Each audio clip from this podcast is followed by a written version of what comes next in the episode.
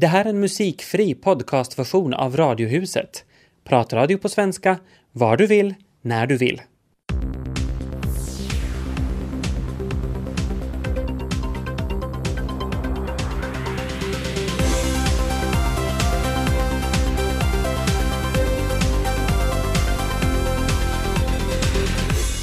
Välkommen till Radiohuset som idag är fyllt av snack kring presidenter, forna och kommande och folks åsikter om presidenten. Med oss i sändningen har vi två stycken hissarlärare som ska berätta om sina favoritpresidenter och också andra som har satt en prägel på sin tid. Med Tobias Larsson och Ami Lassla, vi är med dig fram till fem. Välkomna med! Idag här i Svenska Yle så har vi tema att vi älskar presidenten. Så det ska handla om presidentval och presidenter för, på längden och tvären. Och vi har med oss i studion hissalärarna Peter Wallenius och Niklas Andersson. Välkomna! Tack, tack. tack. Eh, men vilka känslor ser ni fram emot presidentvalet? Ja, det är ju spännande. Det är ju alltid spännande när man väljer, väljer statschef. Att det där, ja, och, och, nu är det kanske extra mer spännande, extra spännande på någon anledning. Vad gör det extra spännande den här gången? Ja, jag vet inte, för att det på något sätt verkar allt så oerhört klart för några månader sedan och, och åtminstone min tolkning är att det inte alls är så klart. För åtminstone inte liksom vem som går till andra omgången. Hur ser du på saken? Jag tycker det är spännande med val. Det är roligt att diskutera det i skolan. och Ungdomar är intresserade i alla fall i, i länkan där jag jobbar så är de väldigt intresserade där. Det blir mycket diskussioner på hissa och samhällskunskapstimmarna så det är tacksamt att diskutera det. Anbelangar alla. Alla har åsikter och uh, kanske högstadieelever är mera säkra än, än andra. De har bestämda åsikter ibland och vad de tycker. De är väldigt klara med sina åsikter och, vet vad de vill. Så att uh, det är tacksamt ämne att tala om tycker jag. Hur ser du då på det här valet och den tänkta utgången? Alltså som, som lärare, hur, hur, hur bra är det här valet? Det är ett lika bra val som alla andra val men kanske lite bättre för att det är lättare att ta ställning till det när det är få kandidater. När man talar om kommunalval så kan Helsingfors ha 950 kandidater. Um, nu har vi åtta. I riksdagsval är det typ 100 lite på. Så det är tacksammare det här och det är samma för alla människor. Så när man talar med ungdomar runt omkring så, så är det samma från vilken kommun ungdomarna kommer till skolan. Utan det är tacksamt. För att det är få och det är ett lättare val. Presidentval hör till de lättaste valen som finns. Utan att avslöja desto mer, har ni själva klart för er vem ni ska rösta på? Uh, no, klart. Ja, jag, jag har klart vem jag vill rösta på. Och, men sen måste man fundera på att ska man liksom taktikera eller eller inte att hela julen har vi debatterat där i familjen. En del av mina barn har försökt övertala mig att jag inte ska rösta på den jag vill rösta därför för att äh, möjligheterna är ganska små att den personen går igenom. Att jag borde ge min röst åt en annan kandidat som var min dotters kandidat. Men vilka kriterier har varit avgörande för dig då? Vad är viktigt för dig när du väljer din kandidat? Uh, viktigt för mig är väl säkert att det känns som en sån här ärlig människa, att det känns som en empatisk människa, att det känns som en människa som, som vill vara president. Och då faller ju genast två kandidater bort åtminstone. Du då, hur, hur, eh, hur klart är det för dig vem som ska vara din mm. kandidat? Det är ju så här när det är två omgångar alltid som det sannolikt kommer att bli den här gången fast nu Sami Borg sa annat igår. Men jag försöker nog alltid kanske rösta på den kandidaten som är liksom min kandidat från första gången och sen och inte taktikera utan uh, jag röstar på den som jag tycker att är bra. Jag får se vilken av de två jag kommer att välja. Jag är inte riktigt säker. Jag hör alltså till de här stora gruppen osäkra väljare. Igår ringde Suomen Gallup åt mig och frågade men jag kunde tyvärr inte svara. Jag hann inte svara. Då. Jag lagade mat åt ungarna men att det där. Jag undrar om det var det här jag skulle ha fått svara på. Då skulle jag ha sagt att jag skulle vara en osäker väljare. Mm. Men vilka kriterier är viktiga för dig? Jag tycker att det ska vara en eh, president som uh, vågar stå och ha klara åsikter, vågar ställa sig upp om det blir en kris i samhället, vågar också berömma sina medborgare om de gör något bra. Eh, karaktär ska presidenten ha. Eh, fosterländskhet som många i dagens läge vill ha, de har våra väljare. Uh, vet jag nu inte om jag behöver. jag frågar eleverna själv för tillfället. De ska svara till nästa vecka. Vad betyder fosterländskhet? Eh, det blir spännande att se vad de svarar. För mig är inte det den viktiga. Utan jag vill ha en, en president som ja, som vågar ta ställning i samhälleliga frågor när det krisar till sig eller när någon har gjort något bra. Det är den sak som jag tycker att är viktig. Och sen också har ett framförhållningssätt i vad gäller utrikespolitiken. Så jag tycker att man har kanske talat för lite i debatten idag. Man vågar inte tala om sådana riktiga frågor idag som handlar om utrikespolitik. Man talar om sång och musik och vem är din favoritkatt eller vet du något sånt här. Lite för mycket underhållning ibland tycker jag. Det finns för lite liksom hard stuff ibland tycker jag i diskussionen.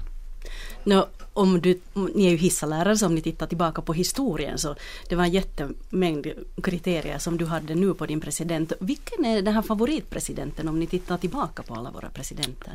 Ja, jag har alltså nu ingen direkt favoritpresident kan jag säga. alla hade ju gjort uh, bra dåliga saker eller bra saker under sin president. Vi talade just här strax före att, att några riktiga katastrofer kanske vi nu inte har haft. Riktiga plättvändare till presidenter som har ställt allt upp och ner. Man kan ha lite olika åsikter om Kekkonen ibland och så vidare. Där forskarna, historieforskarna också diskuterar att om man är Rautkallios skola så tar man och, och fördömer Kekkonen hårt eller man hör man till Juhani Suomi som har suttit i det finska arkivet så tycker man att han är en hjälte.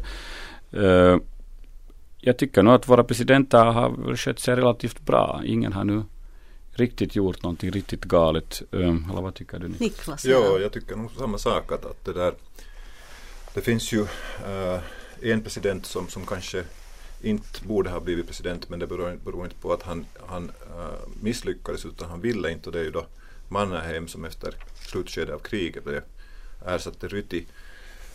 Och sen har vi ju Kalli som bara var tre år president och, och det där, det, det är ju kanske också en ganska kort tid sen att, jag menar Kallio är visserligen Soinis favoritpresident men, men det där men det är också en ganska kort tid. Men om jag tittar på de här presidenterna efter, eh, från Paasikivi framåt så tycker jag också att, att de liksom på något sätt avspeglar sin tid.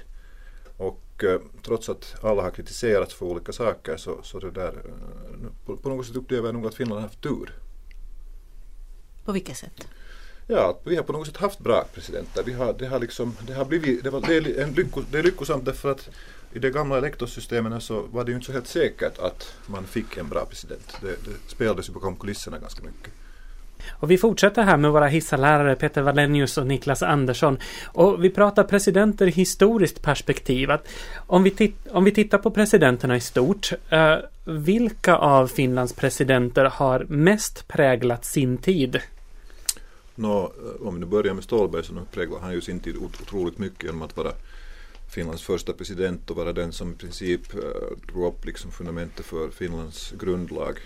Dessutom är han en, den presidenten som mig veterligen den enda som frivilligt inte ville ställa upp på grund av att han ville förstärka parlamentarismen. Så att om man börjar därifrån så kan Petter ta nästa. Ja, sen, sen har vi då Relanda som är kanske mest okänd av alla. När jag ställer frågor till eleverna, vi har det här förhör i årskurs 8 alltid att de ska kunna Finlands presidenter utan till då. Och det där, eh, så då brukar de alltid att vem var det? Nå, det var nu han som förde Finland ut och som reste omkring i Östersjön och till de baltiska länderna och så vidare och hälsade på. Eh, så att han, eh, ska vi säga, förde ut Finland men annars är han okänd. Och vi brukar alltid gå i Tölen, vi är där brukar vi gå och titta på de här, ska vi säga bland eleverna också, så den statyn vet man minst om de fyra kuberna av Relander, Reisu Relander, han som reste omkring. Men om vi då ser Finlands självständiga historia är ju inte så lång jämfört med många andra länders. Eh, vad har tidigare finländska presidenter haft för utmaningar som den som väljs nu kommer att slippa? Ja, då finns det ju en stor sak om vi funderar på jag funderar alltid på Paasikivi, den, den balansgång som han satt när han satt där ensam på sitt på, på presidentens slott och på, på Ekudden och funderade på att hur han ska göra hur ska han klara av kontrollkommissionen. Så jag tror att det var nog en väldigt stor och svår balansgång på alla sätt och vis. Vilket ju nog är hedersvärt att, att sitta och fundera. Och han hade faktiskt Stålberg som han reste omkring, får han iväg till Brände och satt och funderade med honom att, att hur ska jag göra den här frågan.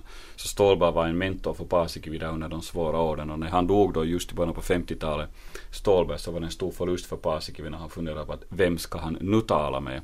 Så han förlorade en, en diskussionspartner i, i den här. Det var väldigt, väldigt, väldigt viktigt tror jag att en president eh, som jag tror att förr var väldigt ensam sist och slutligen. Att ta väldigt stora beslut så som Paasikivi gjorde. Att eh, det är inte alls en hedervärd situation att sitta och fundera på, på balansgången till Sovjet ensam. Uh, det, det, det, har säkert varit mentalt väldigt tungt, vilket man säkert sällan har talat om. Den mentala, ska vi säga, bördan som en president eller en, en Paasikivi har råkat ut för. Vilket kanske också Ryti under, under det där andra världskriget och Mannerheim råkade ut för. Ja, och det där, när det gäller Paasikivi så måste man ju ännu komma ihåg att han dessutom eh, var både statsminister samtidigt som han på sidan om nästan måste sköta om Mannheims presidentskap. Så att det gjorde ju inte bördan liksom mindre. Att, att han är ju nog en, en president som man kan beundra. Det, det, kan man nog, trots att han också har kritiserats av, av många olika orsaker. Till exempel att ställa upp eh, till nyval 1956 när han dog två månader efter att valet var slut, var över. Så Petter Wallenius, du sitter här med en Kekkonen t-skjorta på dig dagen till ära och Kekkonen är väl presidenten med stort P för finländarna fortfarande. Varför blev Kekkonen så stark? Ja, det var väl så att han gjorde väl sig... han var en stark personlighet, det måste man ju nog komma ihåg. Och han hade... Centern var ett starkt parti och de försökte nog på alla sätt hålla fast i honom Eh, som en stark man och det, och det lyckades väldigt långt. Centerpartiet stod bakom honom och sen så fick han då Sovjetunionen bakom sig och gjorde sig oumbärlig. Uh, och lät sig vara som att jag är den enda som klarar av att sköta det här jobbet. Och de många tror väl, det är ju så på det här sättet att man vill ju gärna ha samma kille att, att, att bestämma i ett land så vet man vad man får. Och det var väl också det var Sovjet eh, önskade sig, man ville inte ha någon samlingspartist. För då visste man inte vad man skulle få för, för, för NATO-vänliga och, och det ena och det andra Nordenvänliga typer. Att, det, där, det kunde ju vara riktigt hemskt. Så att eh, Sen så höll han sig väl lite väl länge fast vid makten kan man väl lugnt säga. Det är nog sant. Mm, det som känns väldigt konstigt idag är, idag är ju den här, när han återvaldes med en speciallag utan val. Hur ser ni på det här? No, det är väl kanske den där parlamentaristiska lågvattensverkningen i Finland som, som vi nog har haft då svagt, svagt av, av riksdagen så att säga var det väl 167 stycken som röstade för det. Det var väl exakt antal som behövdes så det var väl ingen frånvaro den gången. Uh, ja, det var ett lågvattenmärke. Sorgligt var det ju nog. man ska väl nog förstå att avgå i tid, det borde alla förstå. Ja, men jag tycker nog där också att man bör sätta lite mer ansvar eh, på de som valde honom och inte bara på Kekkonen själv, trots att han säkert blev förblindad av, av makt och, och så vidare. Så, så jag menar också att han omvaldes eh, sen eh, eh, 1978. så med, med en enorm majoritet där han var uppställd som kandidat av alla större partier då måste man ha vetat om att han inte var i skick. Så där, där är nog också ett lågvattenmärke om man vill ta ett annat. Ja, 70-talet är väl kanske inte den där höjdpunkten i Finlands parlamentarism men, så här efteråt sett. Mm, det finns i alla fall saker som kanske den blivande presidenten kunde ta efter och, och lära sig av Kekkonen. Vad, vad, finns det för saker som, som var bra där? Mm, jag tycker att en sak som var bra och trevlig med Kekkonen på något sätt att, att han, han liksom var ganska sådär rojsig i sin, i sin hela image. Han, han, jag menar, jag tittar på bilder tidigare så där finns, där dansar han med, med alla runt sig och, och, det finns flaskor på bordet och det där, den här image, den här polerade bilden som man ser i den här eh, presidentvalen nu till exempel eller senare val överhuvudtaget. Så den, den, är så, den är för polerad att den på något sätt eh, inte riktigt, känns inte riktigt sådär äkta. Och där måste jag säga att jag tycker att, att Kekkonen åtminstone han hade en ganska sån här eh, uh, rojsig men ganska åtminstone hade en image som åt mig ger sådana bilder att vara ganska äkta. Ja, det finns ju den här scenen som, som eleven eller som man själv också hittar på Youtube när han, när han faller när han kommer hem. När han drar en volt.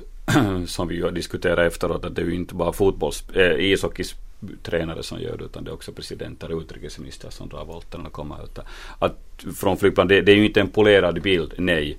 Eh, den är lite för, när man tittar exempel på Sauli Niinistö idag och hans valkampanj så ser hans bilder precis likadana ut som för sex år sedan. Så att det där eh, slipat, ja. Och eh, så var det ju inte förr. Det var inte lika, lika mycket stylister som fanns då inte. Men den här starka presidenten Kekkonen som satt i hemskt många år. Hur, hur har det faktum att han satt i så många år, hur har det påverkat finländarnas syn på presidenten och presidentens roll?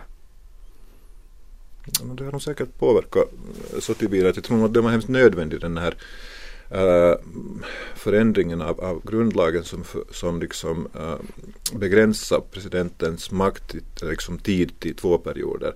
Därför att på något sätt blir nog Finland, det verkar, jag har en sån känsla av att finnarna blir hemskt förtjusta i den här säkerheten som Petter också sa, att man vet vad man har. Att, att det verkar nog, inte vet jag om den här nationen är annorlunda än andra, men det verkar nog som att, att man trivs lite för bra med det nog. Ja det, blev, det blir ju tryggt att sen ha en, en sån här landsfader som alltid finns där. Okej, det finns ju hur fruktansvärt mycket historia som helst om Kekkonen som, som det där. Som på Följsön när han en gång hade varit ute och sitt killarna när de spelar kuka, det är ett spel när man kastar sådana här stora käppar på varandra. På, på käglor och så vidare. Och så plan är gumpig och det går dåligt. Och så går han och frågar killarna här på länken. att ja, hur är det att att det där att det ser lite dåligt ut, jo, jo, att, att det, blir, det är dåligt att kasta, det är nog en skitplan det här säger killarna. Och det där två, tre veckor senare så kommer det fem lass med sand. Eh, det är ju sådana här myter som, som säkert delvis är sanna och inte men, men det är ju sånt här som sen sprider sig som folket tycker om. Samma sak som jag frågar alltid mina elever ibland. Janne vad har ni för historier om, om uh, Tarja Halonen? Och så får man höra diverse historier om att se den och den och den och den. Och det är roligt, jag samlar på dessa historier. Och då är det första hans källa för jag får höra dem av eleverna själva och det tycker jag är roligt att höra om de här historierna. Och så sprider jag dem vidare. Men nu är det också oroliga tider. Det är finanskris och det är det ena med det tredje. Hur mycket saknar Finland den här starka presidenten som höll i tömmarna för hela landet? Mycket, ja. tror jag.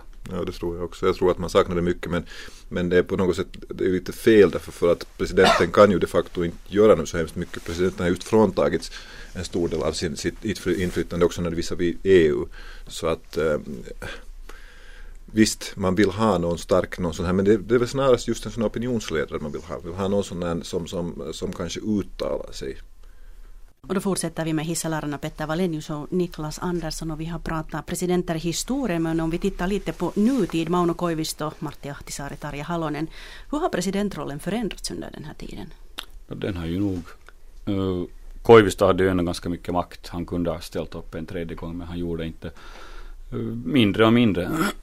Sen har vi då idag eh, så vill ju viss, folk vill ju gärna att presidenten ska ha mera makt men, men det parlamentaristiska är väl kanske nog viktigare i det långa loppet att det är på riktigt en, en parlamentarisk majoritet som, som beslutar hur man tar beslut i ett land och, och så vidare. Att uppskjuta lagar och så vidare med suspensiva veton är väl kanske en förgången tid som inte riktigt hör till en modern demokrati tycker jag. Ja, ja nu är det ju liksom Koivisto inledde ju en helt ny era med att vara den här på riktigt arbetarnas president som den här gamla hamnkillen som, som, som gick i sin flanellskjorta och spelade volleyboll.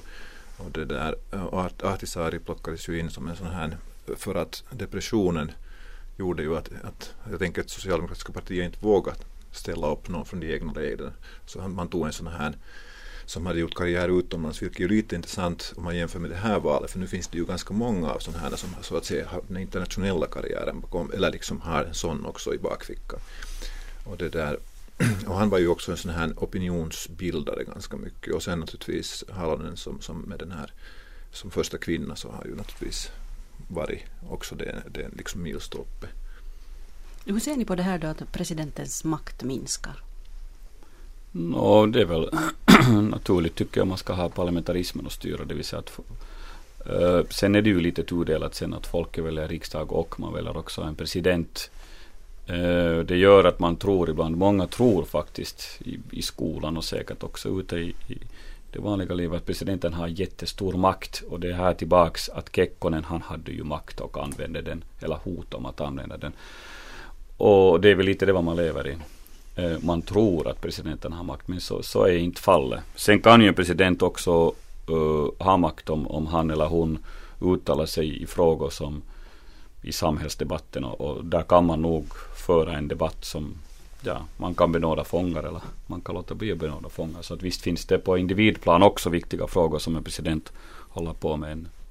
Ja, så finns det ju nog kandidater nu också i den här Eh, valkampanjen som har uttalat sig för att de nog tänker inte minska utan de tänker tvärtom kanske öka presidentens makt. Ja, det, det är väl det är väl han som tycker att Kekkonen är jätterolig och trevlig och hans förebild och så vidare. Och som inte skulle ha gjort annorlunda 1961, han skulle ut på samma sätt. Mm. Men om vi jämför då Finlands president på en liksom internationell nivå, eh, exempelvis med i andra europeiska stater, att hur mycket makt har den finländska presidenten i jämförelse med övriga statsöverhuvuden? har, om vi nu funderar på Frankrike som är väl den starkaste presidentmakten så, så det där eh, har Finland haft ganska nära men det har blivit mindre och mindre. Men det är ju inte en, en, en president som bara klipper band och öppnar broar i Finland utan det finns väl en sådär medelstark om vi kan säga på europeiskt perspektiv skulle jag våga påstå. Jag känner inte till om alla, alla, alla länders alla, alla det där olika maktbefogenheter vilka presidenten har med det där Mm, relativt stark skulle jag väl ändå säga att presidentens makt är i Finland idag jämfört med andra länder. Jo, men sen tror jag nog också att det har som sagt att göra med den här indirekta makten, alltså vem är det som president, om vi tänker på någon Václav Havel i, i, i Tjeckoslovakien, senare Tjeckien eller Lennart Meri, så, så de hade ju makt därför för att de var som personer så liksom sådana auktoriteter att man lyssnar på dem. Och det här är ju också en sån här grej som man måste ta i betraktande, att, att den typen av makt som inte direkt liksom lagbunden så finns ju också. Vad finns det för fara i att ha en för stark president i ett modernt land? No, som vi talade här om Kekkonen under 70-talet så nu finns det ju den faran just att det blir maktmissbruk och det blir fartblindhet och, och, och, och korruption. Och, jag, menar, jag tror inte att egentligen så är ju inte människan, individen riktigt lämpad för att ha hemskt mycket makt.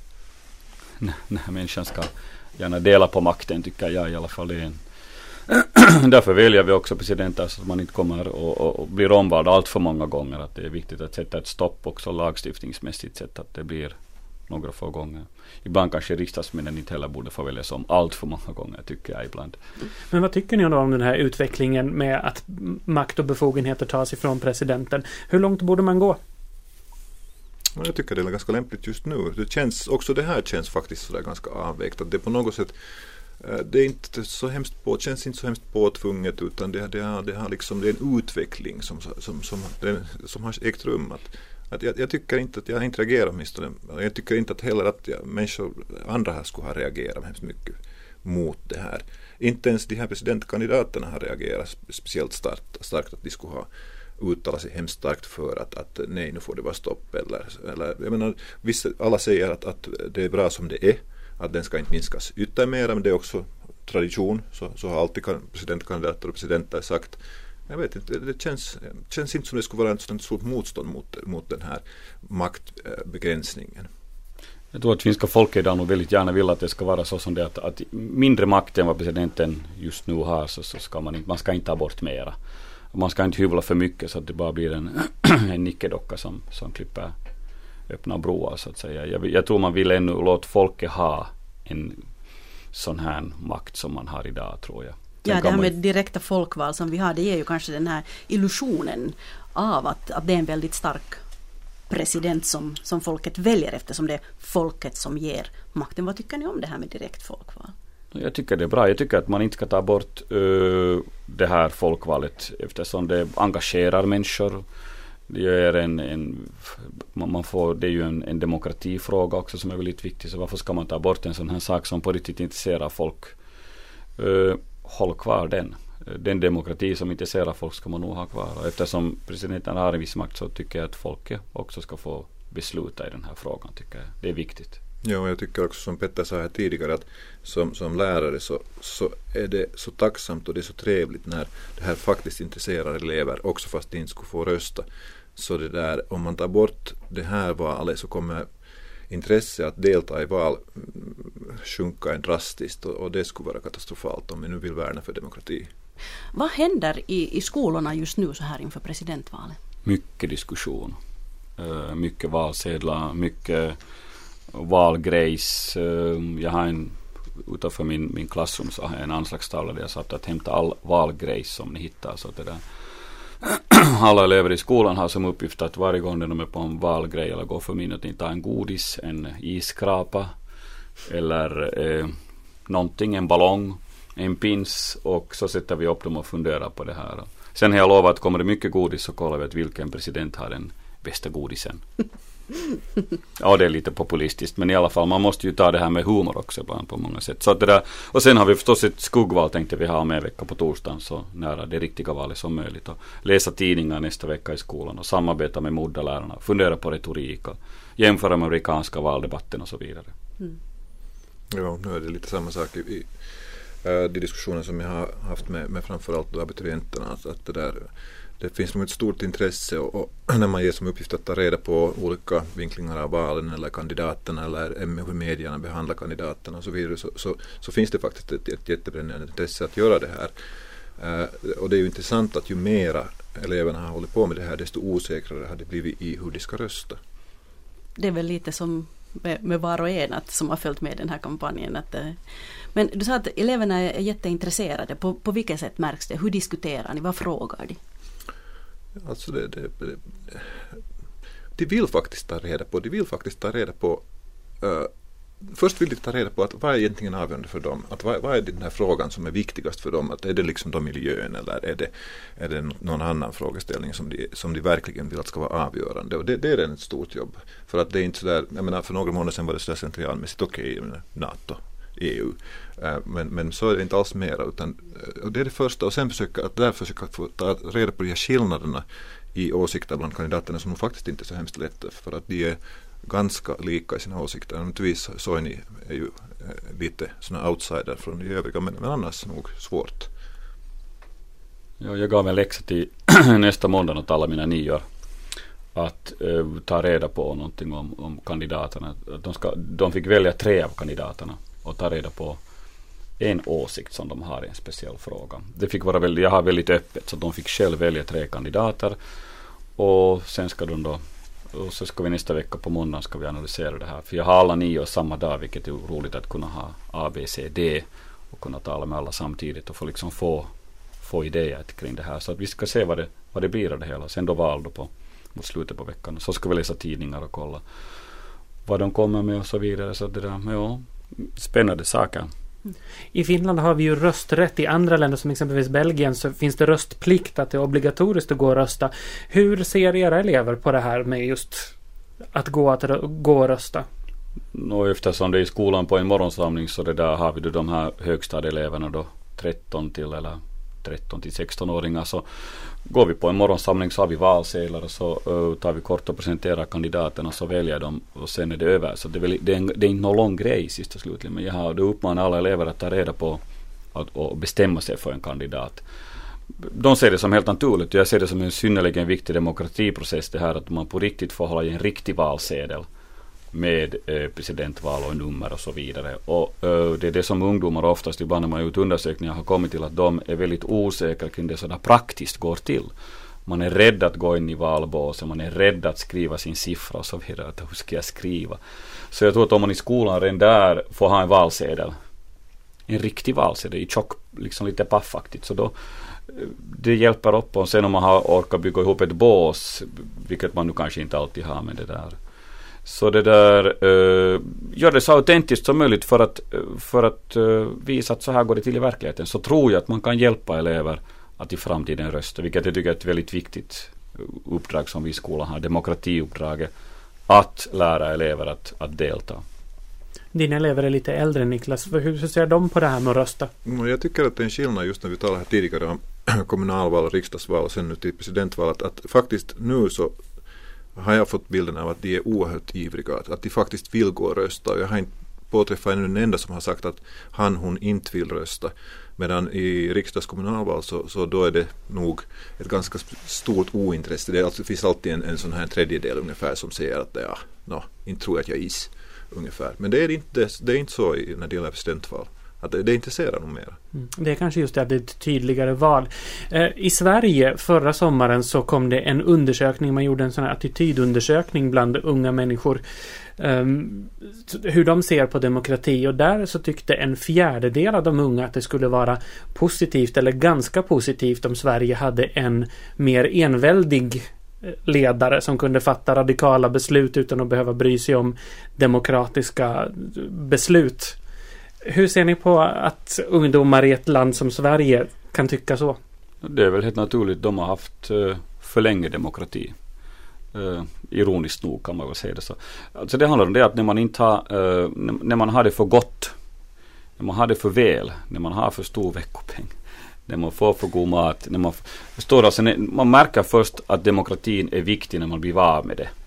Uh, det är det här som är liksom grejen och, och, och det, det kanske man inte ungdomarna lever i, vi har en sån välfärd idag och vi tar allt för givet. Eh, så det gäller liksom att ge upplevelser till eleverna eller, eller försöka liksom få dem att inse och påvisa hur lever man i Zimbabwe eller hur lever man i Nordkorea. När man diskuterar det här. Och idag, senast idag diskuterade jag 15 minuter om Nordkorea. När någon hade sett på Google Map att det var mörkt i Nordkorea och lyste i Sydkorea på Wikipedias sida. Så att eh, när man tar upp den här och vi talar om de fåglar som, som och björnar som grät och fåglar som, som grät också när, när han, Kim hade dött. Så jag menar, det är viktigt att, att visa på olikheter och diskutera. När man diskuterar demokrati ska man samtidigt diskutera diktatur och säga att så här är det. Det blir nog uppenbart för dem. Men, men jag vet inte hur frågorna är ställda. Man ska vara lite skeptiska till hur ungdomar äh, svarar ibland tycker jag också. Men hur stor är risken att dagens unga som krig och, och sådana saker är ändå någonting som förekommer i historieböckerna för dagens ungdomar på det sättet. Hur stor är risken att de börjar ta det demokratiska för, för givet? Nej, jag tror inte det gäller inte alls bara unga, det gäller lika väl äldre. Det kan du se på populism idag, det som inte alls är lika kanske intressant för unga som för äldre. Men, men det, det, jag skulle vilja inflika också det som, men det hålla med det som Petter säger och sen också säga att den här med underhållning, det har liksom sin, sin grej där också. Att den, den avtrubbar liksom demokratin eller urholkar den. Därför att eh, underhållningen, du behöver inte. Det menar, låt någon annan sköta besluten. Det, det är liksom, du får sitta och leka med din telefon eller, eller något sånt här. Att, att det är ju enkelt. Att, att det kan vara en, en delförklaring, att man tycker att, naja, varför inte? Jag menar, politiska beslut tråkigt. Sen, sen tycker jag det är viktigt att man liksom tar demokrati i vardagen, att man tar och beslut, diskuterar saker som hur har pulpetarna i klassen, uh, hur lång läxa ska vi ha, hur, hur mycket ska vi ha till inställningsfrågor och så vidare. Så man på riktigt liksom i vardagen diskuterar demokratifrågor. Så demokrati ska inte bara vara presidentval. Demokrati ska vara vardagen och det tycker jag är jätteviktigt. Jag säger tack till hissalärarna Petter Wallenius och Niklas Andersson för att ni var med och pratade om presidenter genom historien och idag. Och nu ska vi till Borgo där Tina Grönros har träffat en grupp studerande vid Borgo Folkakademi för att höra vad de tycker om presidentspelet så här långt. Eva. Marie. Eva. Johnny.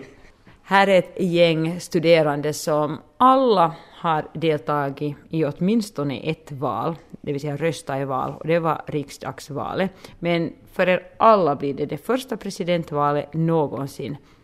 Är ni intresserade av eh, det stundande valet?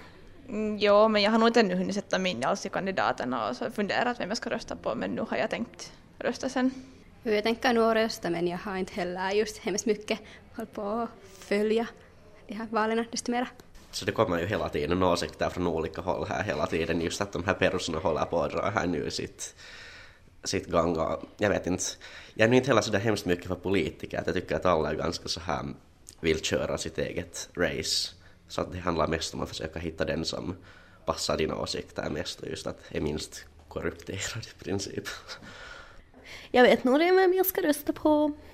No, eftersom du vet så tänker du mera enligt person eller är det parti som är viktigt? Uh, både och för mig nog. Hur intressant är sådana här val då? Jag menar när man röstar på en president en gång vart sjätte år så hur spännande är det? Är det överhuvudtaget? No, nu, nu är det ju lite så där spännande att se vad folk riktigt tänker, så där, speciellt efter så där förra riksdagsvalet gick lite som det gick, så, så är det ju spännande att se att vad, liksom, vad som riktigt händer så just nu i samhället, vad, vad folk tänker, hurdana åsikter de har. Är ni alla fyra helt säkra på att ni tänker rösta i presidentvalet? Jo. Ja. jo. Mm, ja, inte. Om det inte kommer någon jättepassande kandidat, om jag tycker att alla har helt jättedåliga åsikter så tänker jag inte rösta för då ser jag inte någon point i att rösta om jag måste rösta på någon som jag inte tycker att har bra åsikter. Jag röstar alltid mera på partiet. Det är sådär att partiet är min juttu. Jag tänker att äh, om man inte röstar har man inte heller råd att klaga. Nej, alltså det, det är ju nog helt sant det också men jag menar att, att hellre röstar jag inte och inte klagar än att jag röstar på någon som jag sen sitter och klagar på att jag röstar liksom för att jag röstar på den. Det är ju någon idé att, att rösta på någon bara för att få klaga. Det är också lite dumt. Många i min ålder har sagt att det här presidentvalet är så trist för att det är på något sätt så förutsägbart vem som kommer att bli nästa president. Hur känner ni det? Jag tycker att val aldrig är förutsägbara egentligen för det kan ju hända vad som helst. Bästa politiker, var vänliga och sluta producera urtråkiga valaffischer. Jag föreslår härmed att ni använder er valbudget till något annat än valaffischer. Varför inte istället sätta pengarna på en banderoll med ert namn och nummer som ett litet segelflygplan kan snurra över stan med? Eller satsa på ett spel på nätet som bygger på era bästa politiska argument. Eller varför inte, ännu bättre tycker jag, skänk motsvarande summa pengar till ett behjärtansvärt projekt och gör samtidigt en konkret samhällelig insats. Men för guds skull, gör inga fler valaffischer som ser ut som de vi nu har uppradade lite varstans inför presidentvalet. Maken till bleka, intetsägande och trista affischer får man leta efter. Alla kandidater verkar göra sitt yttersta för att inte stöta bort någon och samtidigt göra anspråk på att bli hela landets president. Men jag som väljare struntar blankt i om alla kandidater vill vara en president för alla. Jag vill ha ett klart och tydligt budskap vad kandidaterna står för. I ärlighetens namn finns det försök till nytänkande även bland årets valaffischer, till exempel Eva Biodés affisch. Genom bildkoder får man se Biodés CV och kända personer som stöder henne. Tanken är ny, men samtidigt krånglig och inget tydligt och klart budskap som jag snabbt kan ta del av. Utan istället ska jag ställa mig framför affischen, ta fram telefonen och sen skanna fram mer information. Men jag, en stressad väljare mitt i vardagslivet, vill inte krångla till det. Så frågan är om inte den svenska professorn i politisk kommunikation och massmedia Jesper Strömbäck har rätt som säger följande. Inget parti väntar att de ska vinna väljare på affischerna. Affischerna är viktiga för partiernas valarbetare som förhoppningsvis känner sig stärkta av att se sina politiska företrädare tapetserade runt om i landet. Det kan ju stämma. Och om affischerna ger valarbetare mer kraft och ork, ja då är det ju bra. Men jag som väljare tycker att affischerna inte hör hemma i en modern kampanj 2012. De hör till gångna tider. Så bästa politiker, var modiga och skippa valaffischerna i nästa val. Med vänlig hälsning Gunilla Selvin. PS. Om ni nu absolut vill hålla på traditionen från 1800-talet, ha då ett klart och tydligt budskap. Ta lärdom av den klassiska valaffischen som konstnären Albert Engström gjorde i samband med folkomröstningen om ett totalt spritförbud i Sverige 1922. Då målade han sig själv tillsammans med kräftor, snapsglas och en flaska. Och texten löd Kräftor kräva dessa drycker.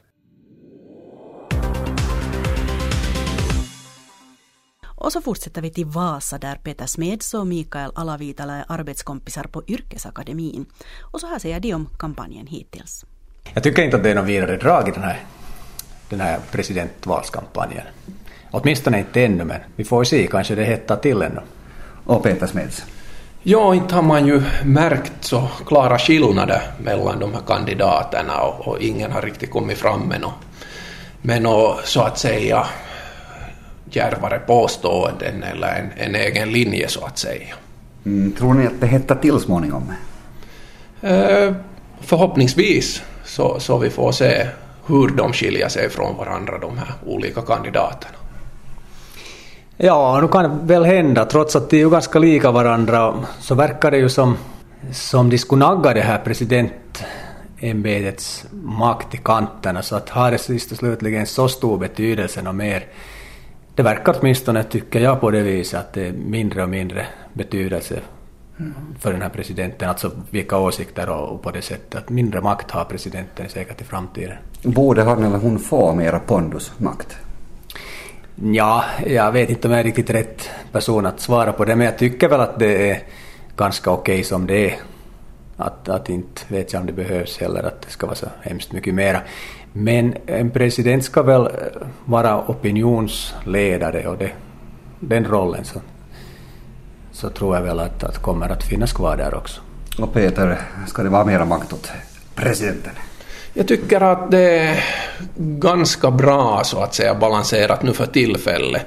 Så jag anser inte att det borde vara mera makt. Kanske det borde, presidenten borde vara mera synlig och ta en aktivare roll istället. Så jag tror att det är mera frågan om att vem sitter där och hur, hur, de, hur de sköter sitt ämbete och inte hur mycket makt de har.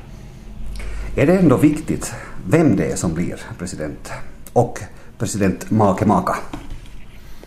Eh, nu kan man ju säga att det är viktigt eftersom det är ju högsta ämbete i vårt land så, så nu har det ju en stor betydelse. Absolut är det viktigt. Och jag håller med Peter där att det, det är klart att den här människan som, som blir vald så ska vara, vara aktiv och synas och, och, och också fast inte man då har, har sådär som makt i den bemärkelsen så, så har man ju genom att, att vara synlig och aktiv och, och att få igång debatter och, och, diskussioner så det är ju ett sätt att också att utöva makt. Har ni någon personlig favorit? Ja, kanske väl Ja, inte har jag egentligen det. Okej, okay, Peter? No, jag kan ju säga så här att jag skulle hoppas den här gången att, att den jag röstar på blir, blir president eftersom så länge som jag har varit myndig från, från 18 och uppåt så har jag alltid röstat på någon som inte har blivit president. Så hoppas den här gången blir det så att den som man ger rösten åt blir faktiskt president. Och båda kommer ni att rösta? Självklart. Ja, ja. Och nu till Ekenäs där Tina Grönros har träffat Svante Lindholm. Han är mentalvårdare vid Ekåsens sjukhus. Och just den här formen av anstaltvård har drabbats hårt av nedskärningar. Mer är att vänta.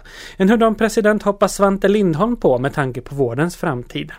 Den framtida presidenten ska ha ett socialt ansvar, ett socialt engagemang. Det är hemskt viktigt.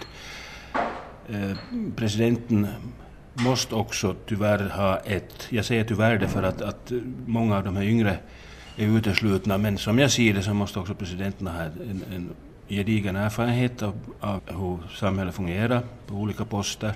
Och på det viset har då fått ett inflytande, ett, ett nätverk av personer som, inte kanske, som, som är viktiga för, för, att kunna, för att det ska kunna påverka det lilla som det kan påverka. Och sen är så starkt engagerad just i de här frågorna, hälsovårdsfrågorna, sociala frågorna, att de faktiskt vågar slå näven i bordet när det gäller.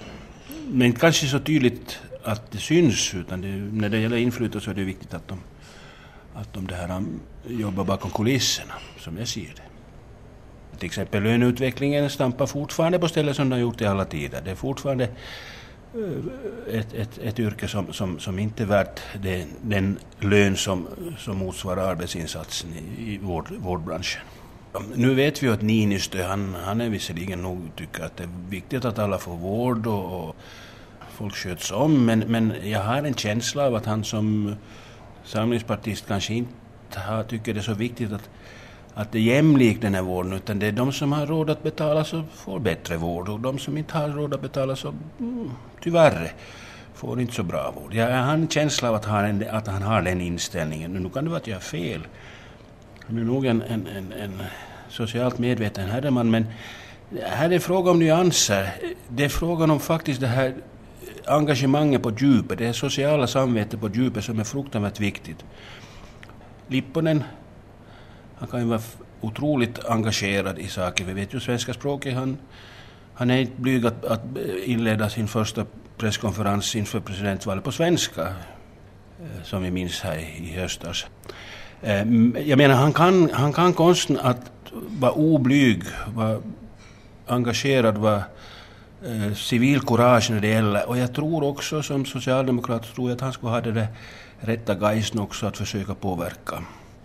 Inte bara formellt, för det har som sagt presidenten har inte någon makt mera, men, men just via sina gamla kontakter. Jag är ingen socialdemokrat, men jag tror att eh, jag tror att, jag tror att eh, Lipponen skulle vara en, en god president för, i det här landet för framtiden. Han är ju nog visserligen ganska gammal och verkar lite trött ibland, men jag ska komma ihåg att marskalken var 76 när, när han blev president. 70 år sedan. Så du har Svante Lindholm en kandidat färdig tydligen? Ja, jag vet inte. Jag får se. BOD, hon är ju fräsch och, och, och trevlig på alla vis så har jag också ett, ett, ett, ett otroligt eh, erfarenhet, inte minst från, från just människorättsfrågor och liknande och internationella kontakter. Men, men, men nu, nu, nu ser vi ju, nu, i den här situationen ser vi nu på välfärdssamhället i framtiden och då är det viktigt att den här människan har ett otroligt engagemang just för välfärdsfrågor. Det är också intressant med, med Halonen. Hennes man Arajärvi, han, var ju, han är ju socialpolitiker och var visst sekreterare i ett utskott som han var ordförande för i tiden, var det hälsovårds och socialutskottet. Så han borde ju han borde vara expert på socialpolitik, men, men han har inte heller liksom lyckats påverka sin hustru liksom. Eh, att, att, att ha mer engagemang för de här frågorna som är ju otroligt viktiga för, störst, för alla av oss. För alla blir vi gamla och alla hamnar vi på långvård förr eller senare och inte dör knall och fall före det. Vi ska kämpa, vi ska ge upp, hoppet och som sagt det hänger mycket på, på hur engagerad det här, vår framtida president är som sagt i de här frågorna. Och sen ska det bli spännande att se just om det faktiskt sakfrågor som kommer fram i debatten, just det här välfärdssamhället, och att det inte blir sånt där plitot som brukar vara de här stora debatterna i TVn, att, att när det kommer till skott, när det bränner till i någon fråga, så då, då är det här eh, programledarna och, och bryter och så går de över till nästa, nästa fråga.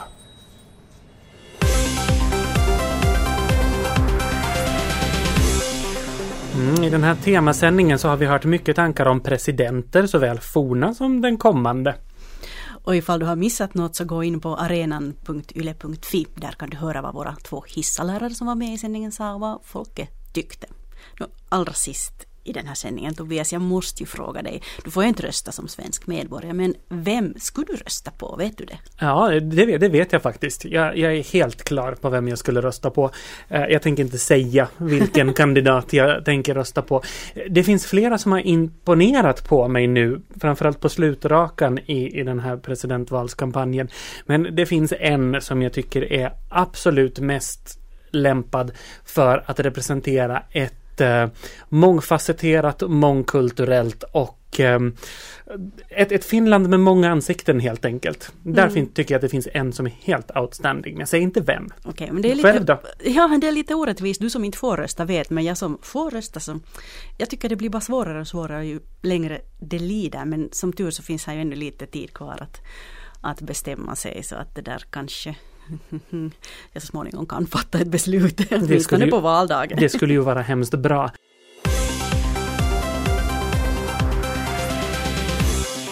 Det här var en musikfri podcastversion av Radiohuset som sänds i Radio Vega måndag till torsdag.